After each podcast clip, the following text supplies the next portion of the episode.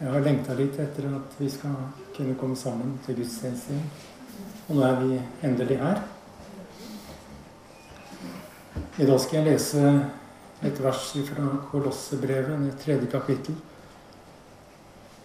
hvor apostelen Paulus sier La sinnet være vendt mot det som er der oppe, hvor deres liv er skjult med Kristus i Gud. Og det er jo en eh, oppsiktsvekkende tanke eller informasjon om at det finnes et sted hvor mitt liv er skjult med Kristus i Gud. Det er altså et liv som er gjemt for tilskuere. Som er usynlig for denne verden. Og hemmelig også for meg sjøl. Et liv skjult i Kristus, i Gud, hvor bare Gud ser meg. Skjult i Kristus Jesus. Og sant å si Jeg vet ikke hvordan jeg skal få takket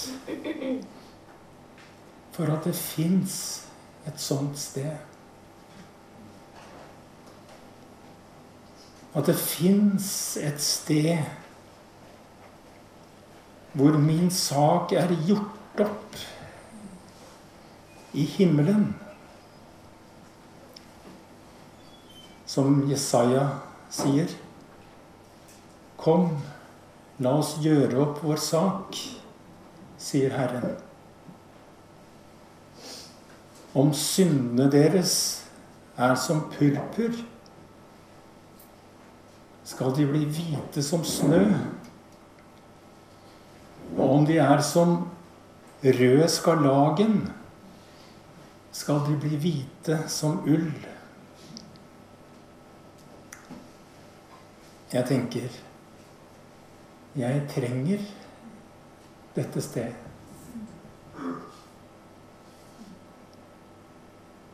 Og fordi jeg trenger dette stedet og er bevisst på det, så ønsker jeg å leve vendt mot Jesus. Sånn som bibelverset her oppfordrer oss. Jeg ønsker å leve vendt mot Jesus som en slags grunnholdning i livet mitt.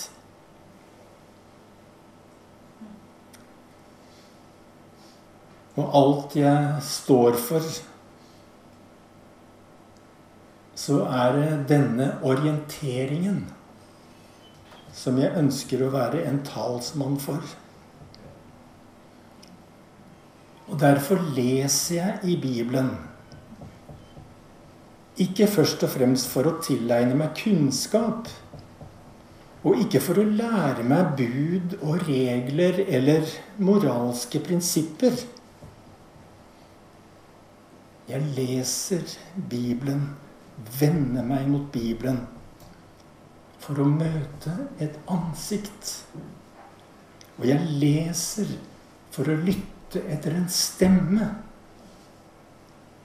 For å skille ut en tiltale fra Han som kjenner meg bedre enn noen annen. Og jeg leser, og jeg vender meg mot Kristus for å finne en ledelse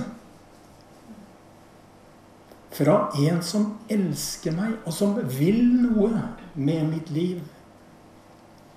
Og jeg leser i Bibelen og i annen litteratur for å oppdage spora av Jesus, så jeg kan følge ham. Og derfor vender jeg meg til Gud i bønn. Og derfor vil jeg åpne meg for Den hellige ånd. Og framfor alt Derfor takker jeg Gud for evangeliet.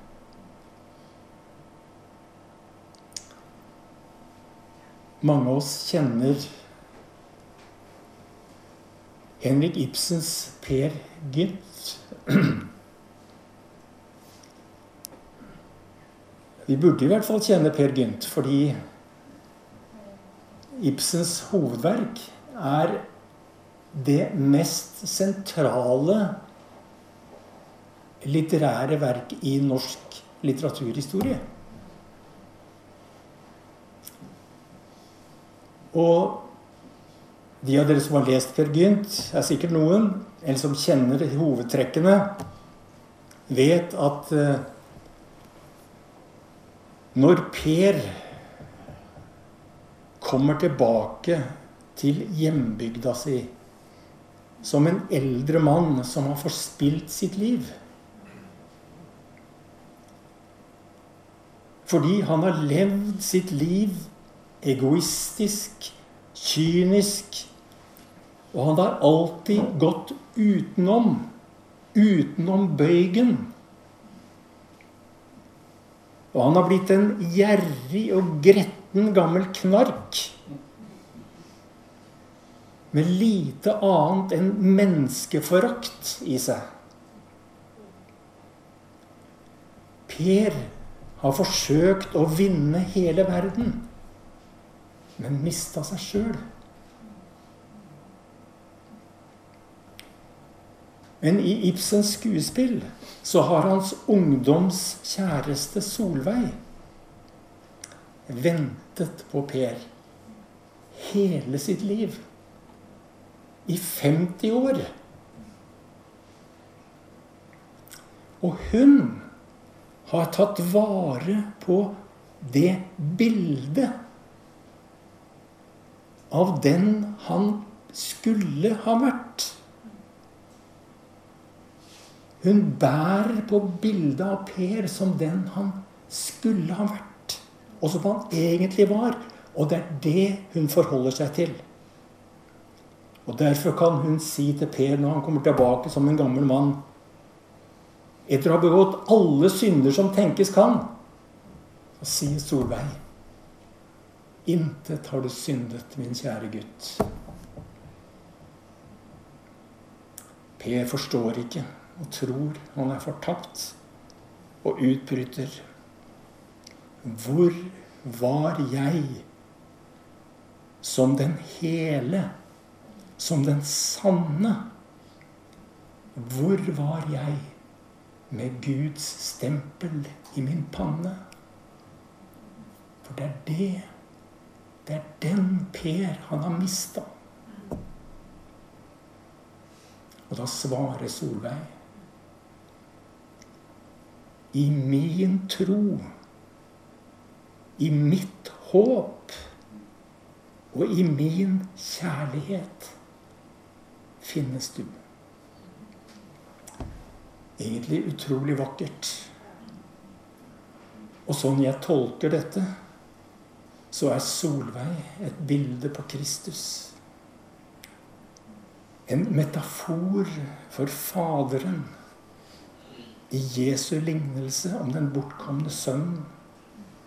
Faderen som står med åpen favn når sønnen kommer hjem etter å ha forspilt sin arv. Og evangeliets budskap er Og det er jo derfor vi elsker det. Evangeliets budskap er at Gud er vår far, som bærer oss alle i sin tro, og som holder oss fast i sitt håp, og som ser oss i sin kjærlighet. Og i brevbrevet sier For Gud har sagt Jeg slipper deg ikke, og jeg forlater deg ikke. Og jeg Jeg må følge oppfordringen. Jeg må følge oppfordringen om å være vendt mot det som er der oppe. Der oppe hvor mitt liv er skjult med Kristus i Gud. Og jeg må følge den oppfordringen, fordi jeg opplever at det fins en treghet i meg. En treghet som gjør at jeg trenger tid for å lytte. Jeg trenger tid for å la meg påvirke av det skjulte livet. Jeg trenger tid for å åpne meg, så lyset fra Kristus kan slippe inn i mørket. Og jeg trenger å la meg bearbeide av Hans ånd, sånn at jeg kan mykne og kunne elske. Jesus sier, 'Som jeg har elsket dere, skal dere elske hverandre'. Det er kjennetegnet, sier Jesus, på at dere er mine disipler. Å elske, det er ikke snakk om svulmende følelser. Men å elske er jo egentlig enkelt i hverdagen. Det er å være vennlig. Det er å være åpen, sjenerøs. Det er å være inkluderende og ta alt i beste mening. Det er så enkelt. Men jeg trenger å være vendt mot ham, som Bibelen kaller meg til. Jeg trenger å være vendt mot ham for å bli vekket. Så min egoisme kan krakelere. Og min selvrettferdighet blir knust. Sånn at jeg òg kan være den hele, den sanne, med Guds stempel på min panne. La sinnet være vendt mot det som er der oppe, sier Bibelen. Det forutsetter jo at det går an å ignorere denne oppfordringa. Apostel Jakob sier, 'Hold dere nær til Gud, så skal Han holde seg nær til dere'. Å være vendt mot Gud er noe jeg velger. Og det kan være en kamp å være vendt mot Gud. Og min kamp for å være, være orientert mot Jesus, det betyr noe. Så hvordan kan jeg forholde meg til denne oppfordringen i praksis? Hvordan søker jeg Gud? Hvordan gir han seg til kjenne? For han ønsker å røre ved mitt hjerte. Og han ønsker å røre ved meg Gjennom Skriften, selvfølgelig, og gjennom Ånden. Og ikke minst gjennom bønnen.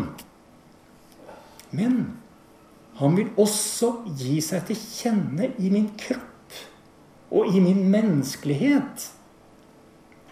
Han vil gi seg til kjenne i meg gjennom min fornuft og gjennom mine følelser og mine tanker. For min kropp mine menneskelige erfaringer er også en kontaktflate mot Gud. Og hvis jeg i mitt liv overstyrer og hever meg over mine tanker og følelser, og ignorerer mine sanser, min intuisjon og min samvittighet, da mister jeg noe. Jeg mister en avgjørende veiledning i mitt liv. For Gud vil også møte meg i min menneskelighet. Ikke i en tilgjort, kunstig åndelighet som ikke bunner i virkeligheten eller i sannheten i mitt indre. Det er Magnus Malm som sier at et åndelig og psykisk sunt menneske har en åpen kontakt til alle hjertets følelser og sanser. Og konklusjonen er at møtet med Jesus ikke begrenser seg til den åndelige eller oversanselige sfæren. Møtet med Jesus omfatter også signalene fra kroppen. Følelsene, viljen, fornuften og hele mitt sanseapparat som menneske. Og jeg behøver det hele for å være den hele, den sanne, med Guds stempel på min panne. Og derfor lever jeg vendt mot ham. Og når jeg gjør det, er vendt mot ham, da blir troen på Jesus noe jeg lever av. Når jeg er vendt mot ham, blir troen en kilde med levende vann, som veller fram til evig liv. Og derfor ber jeg med salmisten, Herre, lær meg din vei. Eller som det står på svensk, visa meg din veg. Og når jeg ber denne bønnen, så er det en bønn om at jeg skal bli i stand til å ta imot fra Guds hånd den veien som velger meg. Og veien er jo dypest sett en person. Og Jesus sier 'Jeg er veien'. Og for meg er dette her kjernen i evangeliet. Jeg skammer meg ikke over evangeliet, sier apostelen i Romerne 1,16. Jeg skammer meg heller ikke over evangeliet. Men jeg skal erkjenne at av og til så skammer jeg meg over de spora som min egen arroganse har satt i fortellingen om mitt liv. For det er noe av Per i oss alle, kanskje. Samtidig så tror jeg på Guds nåde. Og jeg håper på menneskers overbærenhet. Johannes av Korset han skriver sin kantiko, eller åndelig sang. Han skriver om bruden og brudgommen, ikke sant? som er et bilde på Jesus og menigheten. Og han skriver Når du så meg, når du så på meg, da preget dine øyne sin nåde inn i meg. Og det er hva jeg behøver. Øyne som preger sin nåde inn i meg når de ser meg sånn som jeg er. Og derfor vender jeg meg mot det som er der oppe. Hvor mitt liv er skjult med Kristus i Gud. Og det handler om, enkelt sagt, om å holde seg tett inntil mannen fra Nasaret. Og da vil også, når vi holder oss tett inntil ham, en god del av det religiøse slagget etter hvert falle av. Selv om det kommer til å ta tid.